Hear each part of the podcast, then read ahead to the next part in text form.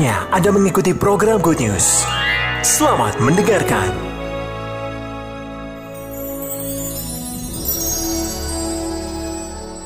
Shalom. Sekali lagi shalom. Haleluya. Kita semua ada dalam dalam penyertaan Tuhan yang luar biasa. Yang percaya katakan amin. Bapak Ibu Saudara, tanpa terasa ini minggu ketiga ya di bulan Januari ya. Eh, beberapa penelitian mengatakan Januari ini eh, bisa terasa lebih lama ya bulannya daripada bulan-bulan yang sebelumnya kita lalui. Kenapa? Karena kemarin Januari atau Desember banyak yang libur ya saudara ya. Lalu uh, mulainya tanggal Januari atau tahun 2024 ini pas tanggal 1 itu hari apa ya? Hari Senin, betul ya? Hari Senin. Jadi pas tanggal 31 itu hari Minggu, satunya hari Senin. Jadi penelitian mengatakan ya banyak orang merasa Januari ini kok lama banget begitu ya. Tapi kita bersyukur lama atau tidak lama Bapak Ibu Saudara yang jelas Tuhan menyertai kita. Ayo beri tepuk tangan bagi Tuhan kita. Ya, kita masuk di bulan pelayanan sekali lagi kita akan terus bahas pelayanan. Ya, pelayanan itu tidak hanya bicara tentang pelayanan konteksnya di gereja ini, ya walaupun kita juga terus mendorong Bapak Ibu Saudara untuk ikut melayani Tuhan bersama-sama, tapi pelayanan itu bicara tentang bagaimana kehidupan kita, Ya, bagaimana kehidupan saudara dan saya, orang tebusan Allah yang sudah diselamatkan ya di dalam kasih Kristus yang sempurna. Bapak Ibu Saudara, hidupnya boleh melayani Tuhan dan menyatakan kemuliaannya. Yang percaya katakan amin. Oleh karena itu Bapak Ibu Saudara, saya akan beri judul khotbah saya pagi hari atau hari ini adalah melayani berpusatkan Injil Kristus. Melayani berpusatkan Injil Kristus. Ada beberapa topik ya di dalam kita melayani Tuhan ya. Sekali lagi konteksnya tidak hanya pada lingkup gereja saja. Bapak Ibu Saudara bisa melayani Tuhan dengan melayani sesama. Bapak Ibu Saudara bisa melayani Tuhan dengan apa? Dengan bekerja sebaik-baiknya. Bapak Ibu bisa melayani Tuhan dengan cara apa? Dengan menjadi seorang ayah yang baik bagi anak-anak saudara. Bapak Ibu bisa melayani Tuhan dengan cara apa?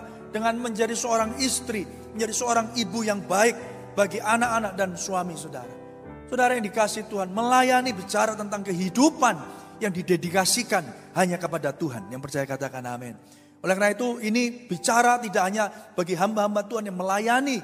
Bahkan di mimbar ini saja ya multimedia ya seluruh volunteers yang ada. Tidak Bapak Ibu Saudara. Ini bicara kepada setiap saudara dan saya. Oleh karena itu melayani berpusatkan Injil Kristus ini satu hal yang atau satu topik yang kita perlu perlu uh, bicarakan.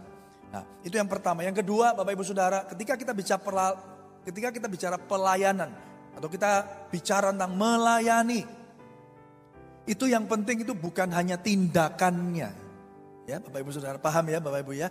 Jadi kalau kita melayani Bapak Ibu Saudara, itu yang langsung kerasa itu adalah tindakannya, actionnya. Ya, uh, apa namanya? Iya, tindakan ya perlakuan seseorang terhadap seseorang yang lain, saudara. Ya, tidak hanya tindakan, tidak hanya actionnya, tapi paling tidak akan kita bahas tiga ini, saudara. Yang saya akan bahas, yang pertama adalah motivasi kita melayani. Karena apa? Tindakan saudara untuk melakukan sesuatu itu pasti didorong oleh sesuatu yang ada di dalam hidup saudara. Amin, Bapak Ibu ya. Jadi apa pun itu, ya seorang istri ya pagi-pagi bangun buatin kopi suaminya itu pasti ada dorongan ya ya bukan hanya kewajiban bukan hanya sebuah rutinitas dan bagaimana kita bisa melihat ada begitu banyak pasangan sampai 50 tahun 60 tahun 70 tahun menikah saudara. Ya bagaimana mereka tetap melakukannya dengan setia. Kenapa? Karena ada sebuah dorongan. Dorongannya itu apa? Dorongannya kira-kira apa Bapak Ibu Saudara? Kita tahu kita bisa menjawab beberapa daripada kita. Wah dorongannya adalah apa? Wah cinta, Pak Danu langsung ngomong cinta. Wah luar biasa. Benar ya Bapak Ibu ya? Bukan gini ya, dorongannya adalah apa? Gaji tiap bulan. Kan bukan-bukan gitu saudara. Ya, tapi itu dorongan. Oleh karena itu harus dibahas. dibahas. Jadi pertama adalah motivasi. Ya, motivasi. Apa yang mendorong saudara untuk melakukan sesuatu? Yang kedua, dalam pelayanan atau melayani Tuhan dengan melayani sesama. Yang kita bicara, yang kita bahas adalah kualitas, the quality. The quality of the service. Saudara bisa melayani. Ada ada begitu banyak perusahaan, ada security-nya. Ya, ada security-nya. Tapi security itu juga bertugas untuk mengawasi, untuk mengamankan. Ya, dia melakukan tupoksinya, tugas pokok dan fungsinya. Ya, dia melakukannya sesuai dengan job desk yang diberikan. Tapi bagaimana dia melakukannya itu perkara yang lain. Betul nggak Bapak Ibu Saudara ya? Ya, ada satpam ya yang berdiri pokoknya dia tugas. Ya, pokoknya kan saya suruh hadir jam 6. Saya hadir jam jam 6 kurang malah di sini, ya.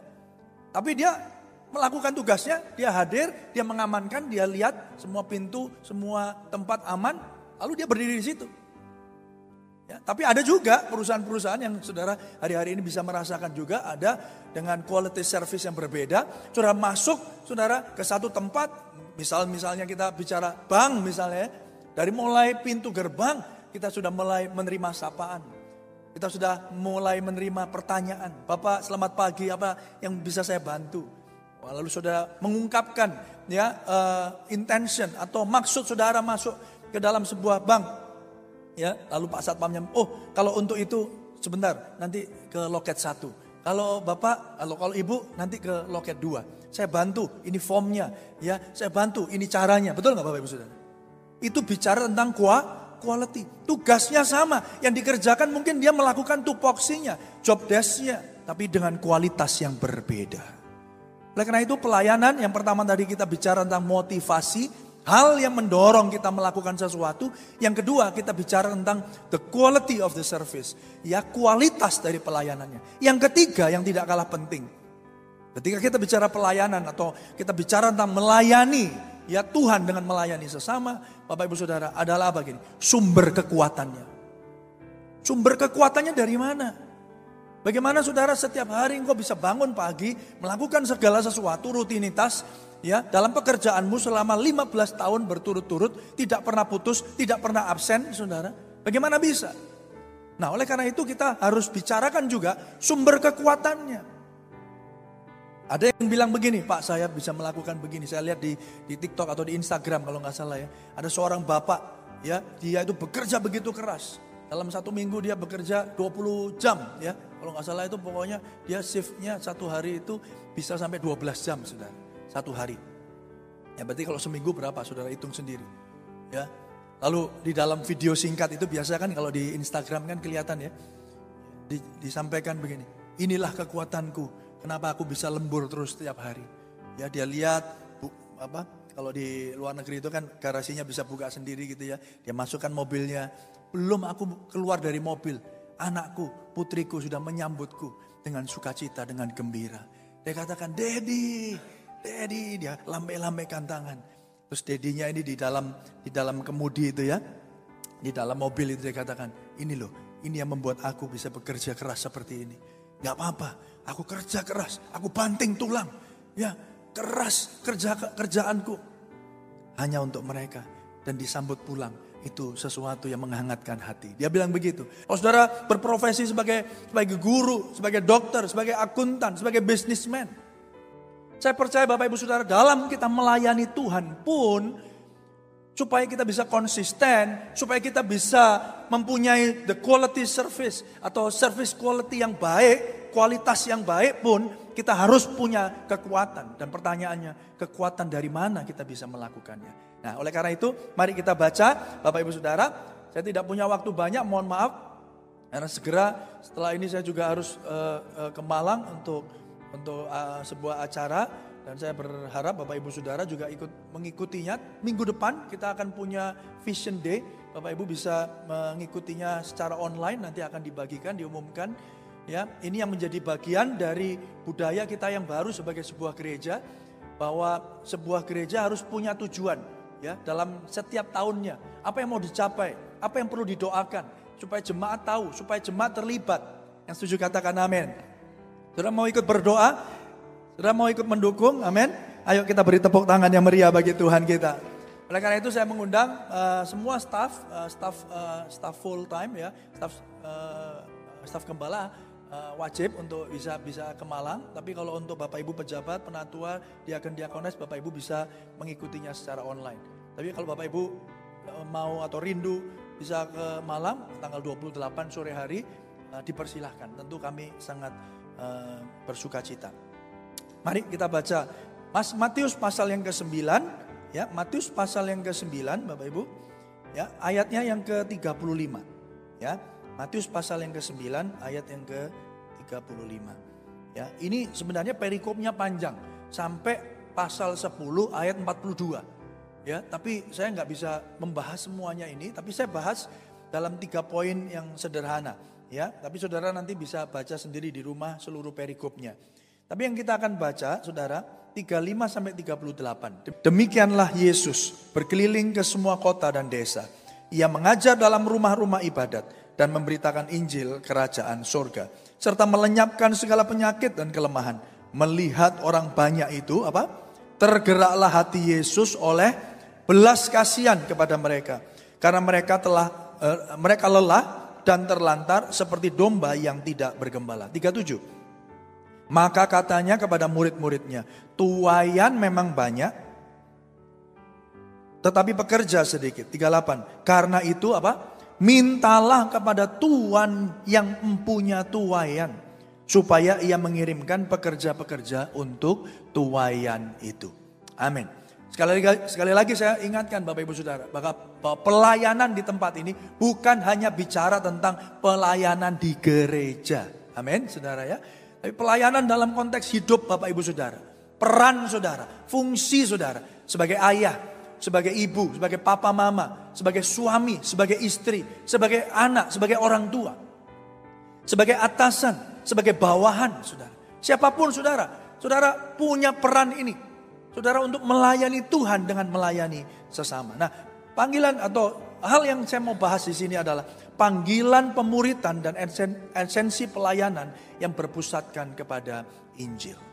Ya, jadi kita ini Bapak Ibu Saudara dipanggil, diselamatkan, dipanggil untuk sebuah tujuan. Sama-sama yuk katakan tujuan. Amin Bapak Ibu Saudara. Berapa hari yang lalu saya dengan Pak Adam, saya diundang untuk kasih atau uh, memimpin perayaan Natal di Pengadilan Tinggi Surabaya. Yang hadir hakim-hakim sudah. Hakim-hakim. Ya, hakim-hakim dan saya juga baru belajar namanya pengadilan tinggi itu ternyata di bawahnya ada pengadilan negeri ya. Pengadilan negeri. Ya pengadilan negeri Surabaya, Gresik gitu ya. Saudara pada ikut semua. Pak Adam saya WA karena waktu itu saya kurang fit. Saya bilang, Pak tolong antarkan saya. Kita ketemu di pengadilan Jalan Sumatera. Oke. Pas dia datang dia pakai hem, pakai warna hitam saudara. Pakai celana jeans, pakai untungnya pakai sepatu. Saudara. Karena saya nggak ngerti, saya lupa ngasih konteksnya gitu. Saudara, Mas mau didampingi Pengadilan kasus apa mas? Tuh, bukan. Saya ini Natalan di sini. Oh Natalan, nggak bilang. Ya sudah tahu pas masuk sudah wah ketat sekali masuk ya. Pakai wawancara dulu wah, online gitu saudara ya. Karena memang supaya ketat ya saudara saya baru sekali ini masuk pengadilan tinggi ya. Dulu pernah ke pengadilan negeri karena menghadiri tilang lalu lintas ya Pak ya. Ya zaman dulu ya saudara ya. Tapi ini pengadilan tinggi. Nah saudara di Sumatera itu. Saya ketemu dengan hakim-hakim tinggi. Rupanya cukup banyak yang Kristen dan Katolik sudah. Ya, itu ada bahkan ketuanya datang, ketua ketua kepala uh, atau ketua hakim uh, pengadilan tinggi tata usaha negara pun itu juga anak Tuhan, wakilnya juga anak Tuhan. Ya, kami berkumpul luar biasa. Nah, yang saya mau ceritakan adalah bahkan profesi hakim pun saya mau katakan Bapak Ibu Saudara, ketika kita menyadari Saudara panggilan kita, sesungguhnya engkau melakukannya seperti untuk Tuhan. Yang percaya katakan amin. Saudara yang dikasih Tuhan, wah saya begitu bangga, saya begitu bersuka cita. Ya, ketemu salah satu senior, seorang profesor ya di Fakultas Hukum uh, uh, UNER. Ternyata beliau adalah uh, orang tua dari teman atau sahabat saya waktu di sekolah. Kami berbincang-bincang dan seterusnya. Jadi sekali lagi Saudara, kalau ngomong pelayanan saudara, ini bicara konteksnya luas. Oke? Okay? Oke, okay, puji Tuhan. Nah, saudara, jadi ini panggilan pemuritan dan esensi pelayanan yang berpusatkan Injil. Supaya hidupmu efektif. Supaya hidup saudara itu produktif. Sebagai orang percaya. Tajam, jadi berkat, jadi garam. Yang setuju katakan amin, saudara. Oh, saya bersuka cita, berdoa. Dan saya senang saudara lihat para hakim itu berkumpul, saya berdoa buat mereka. Saya mau katakan ada begitu banyak kasus, saudara. Ya, dan kalau kita nggak ada hakim-hakim anak-anak Tuhan yang ditempatkan di situ dan berlaku jujur, takut akan Tuhan. Saya mau katakan mau jadi apa negeri ini? Tapi ketika hakim itu melakukan tugasnya, melakukan kewajibannya, jujur, adil, takut akan Tuhan. Saya mau katakan, ada kedamaian, ada sukacita yang diperintahkan Tuhan atas bangsa Indonesia. Mari beri tepuk tangan yang meriah bagi Tuhan kita. Oleh karena itu, pemahaman tentang pelayanan yang berpusatkan Injil ini menjadi sangat-sangat penting. Oleh karena itu yang pertama Bapak Ibu Saudara, yang saya mau berikan kepada kita adalah melayani itu harusnya didorong oleh belas kasihan. Sama-sama katakan belas kasihan. Ini saya pertama bicara tentang motivasi kita melakukan sesuatu. Motivasi kita melakukan pelayanan. Bukan untuk hal yang lain. Ayo kita lihat ayat yang ke-35-36. Demikianlah Yesus berkeliling ke semua kota dan desa. Ia mengajar dalam rumah-rumah ibadat mereka dan memberitakan Injil kerajaan sorga. Serta menyembuhkan orang-orang dari segala penyakit dan kelemahan. Saudara, ini bukan satu pekerjaan yang biasa. This is a supra, nat, supranatural ya uh, supranatural uh, uh, ministry. Ini enggak enggak enggak kaleng-kaleng, Saudara. Dia melakukan mujizat luar biasa. Dia berjalan, dia menyembuhkan yang sakit, ya yang buta melihat, yang lumpuh berjalan, yang bisu berkata-kata, yang tuli mendengar. Ini dahsyat kan? Luar biasa. Saudara, dan pekerjaan atau atau pelayanan yang seperti ini sangat mudah ya dapat pujian. Betul nggak Bapak Ibu Saudara? Oh, dapat pujian, dapat kekagu, pengaguman Saudara. Oh, dapat fans. Ya, dapat pengikut yang luar biasa. Makanya nggak heran saudara ketika Tuhan Yesus berjalan di atas muka bumi ini Bapak Ibu Saudara. Ada begitu banyak berbondong-bondong orang lihat dia. Orang cari dia. Saudara yang dikasih Tuhan. Tapi apa yang mendorong dia untuk melakukan itu? Apakah fame? Apakah ketenaran? Apakah kepopuleran? Apakah uang saudara? Kita lihat di dunia ini Ya kalau orang itu berhasil pasti sebentar lagi mau apa namanya sudah ada apa tambahan title di depannya. Sultan. Wah. Artinya apa? Wah, berarti dia udah masuk pada satu tahap keberhasilan. Itu loh yang namanya sukses. Kalau udah terpandang, kalau udah dapat mungkin kredit limitnya dinaikkan, ada dapat promosi, dapat fasilitas yang lebih, dapat penghargaan ketika masuk dalam sebuah uh, institusi perbankan misalnya. Saudara yang dikasih Tuhan. Tapi motivasi Yesus untuk melakukan semua yang dikatakan keberhasilan dunia itu adalah apa? Belas kasihan. 36 dikatakan demikian. Melihat orang banyak itu tergeraklah hati Yesus oleh apa Bapak Ibu? Belas kasihan belas kasihan karena mereka lelah dan terlantar seperti domba yang tidak mempunyai gembala. Dia tidak cari puji-pujian manusia. Dia tidak berharap rankingnya di dunia ini naik. Lihat, aku sekarang udah lebih terkenal kan dari rabi itu. Aku udah terkenal kan dari uh, pendeta sinagog yang di ujung gang itu, saudara. No, tujuan Yesus melakukan semuanya itu adalah apa? Belas kasihan compassion. Have mercy on us. Minta belas kasihan Allah itu memenuhi setiap hidup saudara. Hanya dengan belas kasihanlah saudara. Motivasi saudara itu murni yang percaya katakan amin. Saudara mau jadi apa pun boleh. Saudara mau jadi berhasil ya mau dipromosikan berkali-kali dalam setahun pun boleh saudara. Tapi biarlah motivasi yang mendala, mendasari saudara itu adalah belas kasihan Allah. Yang percaya katakan amin. Enggak ada yang lain. Saudara yang dikasih Tuhan, saya mau katakan di sana, jika pelayanan kita, aktivitas kita tidak didorong oleh belas kasihan Kristus, maka kita sesungguhnya sedang melayani diri kita sendiri. Kalau pelayanan saudara, aktivitas saudara tidak didasari oleh sebuah pengertian, bahwa ini karena kasih Kristus penuh atasku. Karena Kristus terlebih dahulu mengasihi aku, maka aku harus melakukannya. Aku harus memberikan memberikan servis yang lebih baik kepada klienku. Aku harus memberikan yang terbaik bagi tuanku, bagi majikanku, bagi anak buahku. Kalau itu semua tidak didorong oleh belas kasihan daripada Kristus yang memenuhi hati saudara, maka sesungguhnya yang saudara sedang kerjakan adalah apa? Engkau sedang mengerjakan bagi dirimu sendiri. Saudara ini masalah hati ini penting saudara. Saya nggak punya waktu untuk membahasnya. Tapi saya izinkan saya menyampaikan ada tiga tabel sederhana. Perbedaan antara kita didorong oleh agama atau kita didorong oleh kuasa Injil Kristus. Ada banyak orang daripada kita taat, tapi taatnya karena kita beragama. Saya taat, oleh karena itu saya diterima.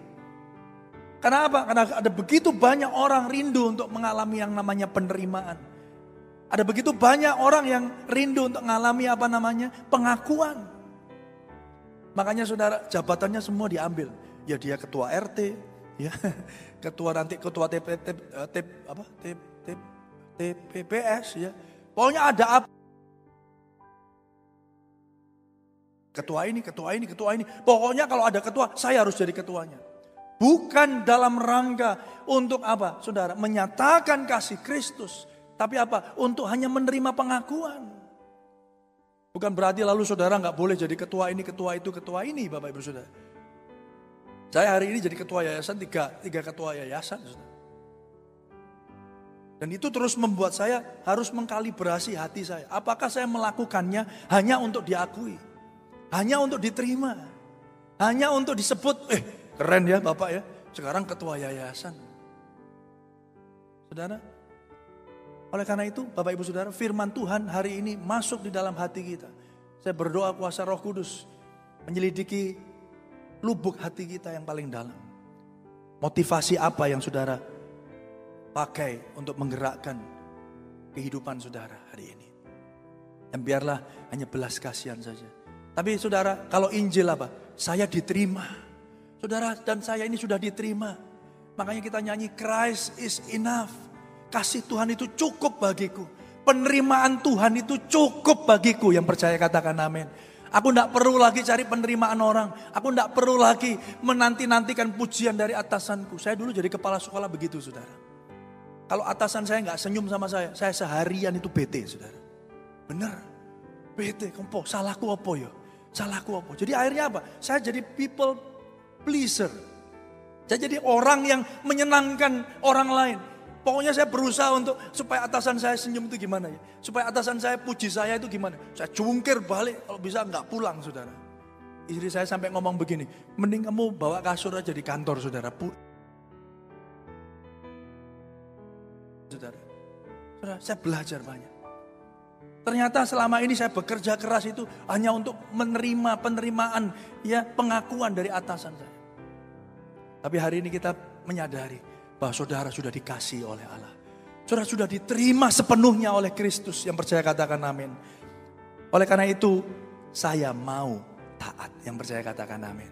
Taatnya tetap, taatnya ada, taatnya bukan berarti terus memberontak, tidak, tetap taat. Tapi membedakan adalah apa? Kondisi ha, hati. Satunya taat karena ingin diterima. Tapi satunya taat karena sudah diterima. Yang percaya katakan amin. Ayo beri tepuk tangan yang meriah bagi Tuhan kita. Yang kedua, motivasi didasarkan ketakutan dan rasa tidak aman. Eh, aku harus rajin loh ke gereja. Aku harus melayani Tuhan loh. Eh, aku harus beribadah. Kalau enggak ntar masuk neraka. Saudara kalau kekristenan saudara sampai hari ini masih didorong oleh rasa takut. Maka saudara belum pernah bertemu dengan kasih yang sejati itu. Karena di dalam kasih tidak ada ketakutan yang percaya katakan amin. Kita melakukan apa yang kita lakukan hari ini itu karena kita telah mengalami kasih Kristus. Jangan pernah didorong oleh rasa takut. Saudara, tapi yang benar motivasi karena Injil adalah apa? Motivasi didasarkan rasa syukur. Jadi kalau saudara pergi ke gereja hari ini, kenapa saudara lakukan? Karena saudara ber, bersyukur. Yang percaya katakan, amin. Sama-sama yuk katakan bersyukur. Katakan kanan kirimu dicaplek ya. Bersyukur ya. Amin saudara ya. Haleluya. Amin. Hamba-hamba Tuhan, para WL singer, pemain musik, saudara nyanyi di sini, main musik di sini karena apa? Karena jadwal Pak. Lah, jangan dong. Karena kita bersyukur, yang percaya katakan amin. Mari kita beri tepuk tangan yang meriah bagi Tuhan kita.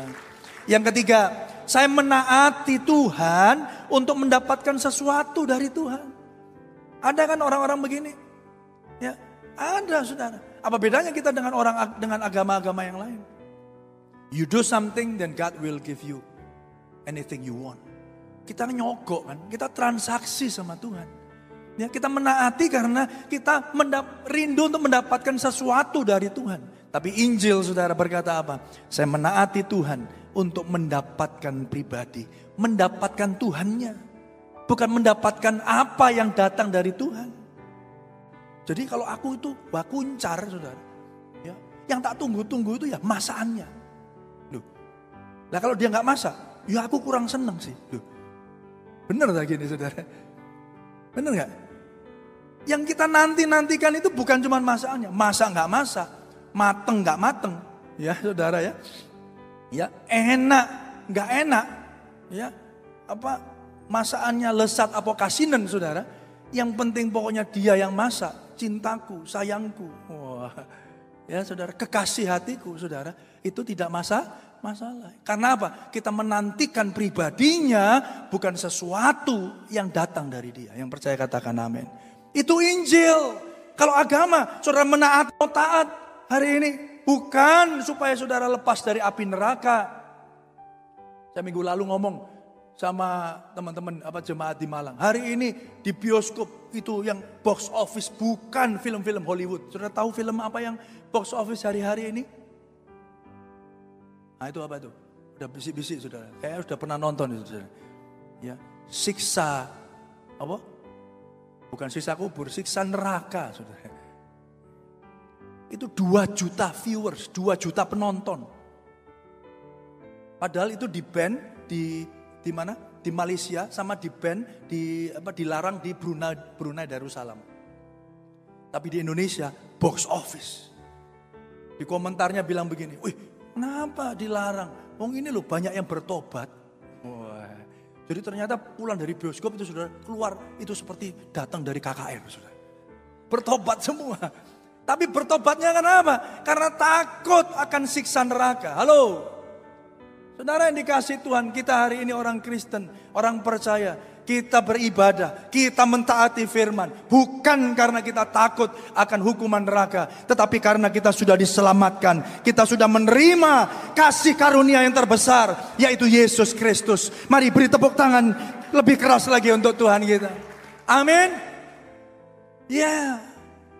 Jadi saudara, makanya waktu di, saya melihat di, di apa komentar-komentarnya itu saudara. Loh, bertobat kok karena takut, bukan karena cinta. Wah, saya bilang wah ini pasti jemaat diaspora ini Ya kan? Saudara, bertobat itu karena cintamu kepada Tuhan dan mengalami kasihnya. Yang setuju katakan amin. Bukan nanti, wah sok nek Tuhan datang, aku masuk mana ya? Neraka apa surga ya? Wah jangan-jangan neraka. Terus aku sekarang memberi persembahan yang akeh. Itu nyogok Tuhan namanya. Saudara memberi persembahan karena? Karena saudara sudah diberkati Tuhan. Yang setuju katakan amin. Saudara melakukan sesuatu beribadah kepada Tuhan. Karena apa? Karena sudah saudara sudah diselamatkan. Ini posisi kita hari ini. Inilah posisi kita atau melayani berdasarkan Injil. Yang kedua, Saudara, yang tadi pertama motivasi, yang kedua adalah kualitas kita dalam melayani Tuhan. Yang kedua adalah melayani tanpa pamrih. Sama-sama yuk katakan tanpa pamrih. Ya, melayani tanpa pamrih. Itu the quality, the service quality-nya itu. Tulus. Ya, ayo kita baca.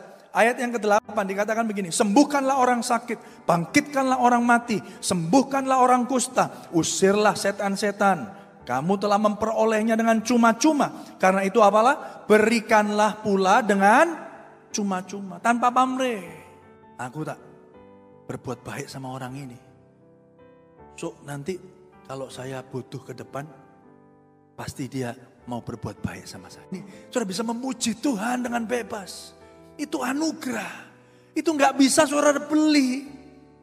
Nggak bisa saudara jual. Ini bukan perdagangan. Saudara, ini anugerah. Yang harus juga dibagikan dengan murah hati. Yang setuju katakan, amin. Jadi kalau hari ini sudah mengalami pengampunan yang datang daripada Tuhan. Hari ini biarlah kita juga melepaskan pengampunan yang sama. Yang percaya katakan amin. Ayo beri tepuk tangan yang meriah bagi Tuhan kita. Amin saudara. Kenapa banyak orang ngomong, aduh saya sulit mengampuni orang itu Pak. Sulit Pak. Bisa jadi karena saudara melupakan anugerah Tuhan. Bahwa ternyata kita dulu berdosa. Kita telah diampuni oleh dengan cuma-cuma. Kalau saudara mengalami itu Bapak Ibu Saudara, maka akan mudah buat saudara untuk melepaskan pengampunan. Yang setuju katakan amin. Amin saudara. Puji Tuhan. Yang ketiga saudara, yang terakhir. Yang terakhir, saya di sana mengatakan begini, melayani. Jadi tadi yang kedua adalah kekuatannya itu tanpa pamrih.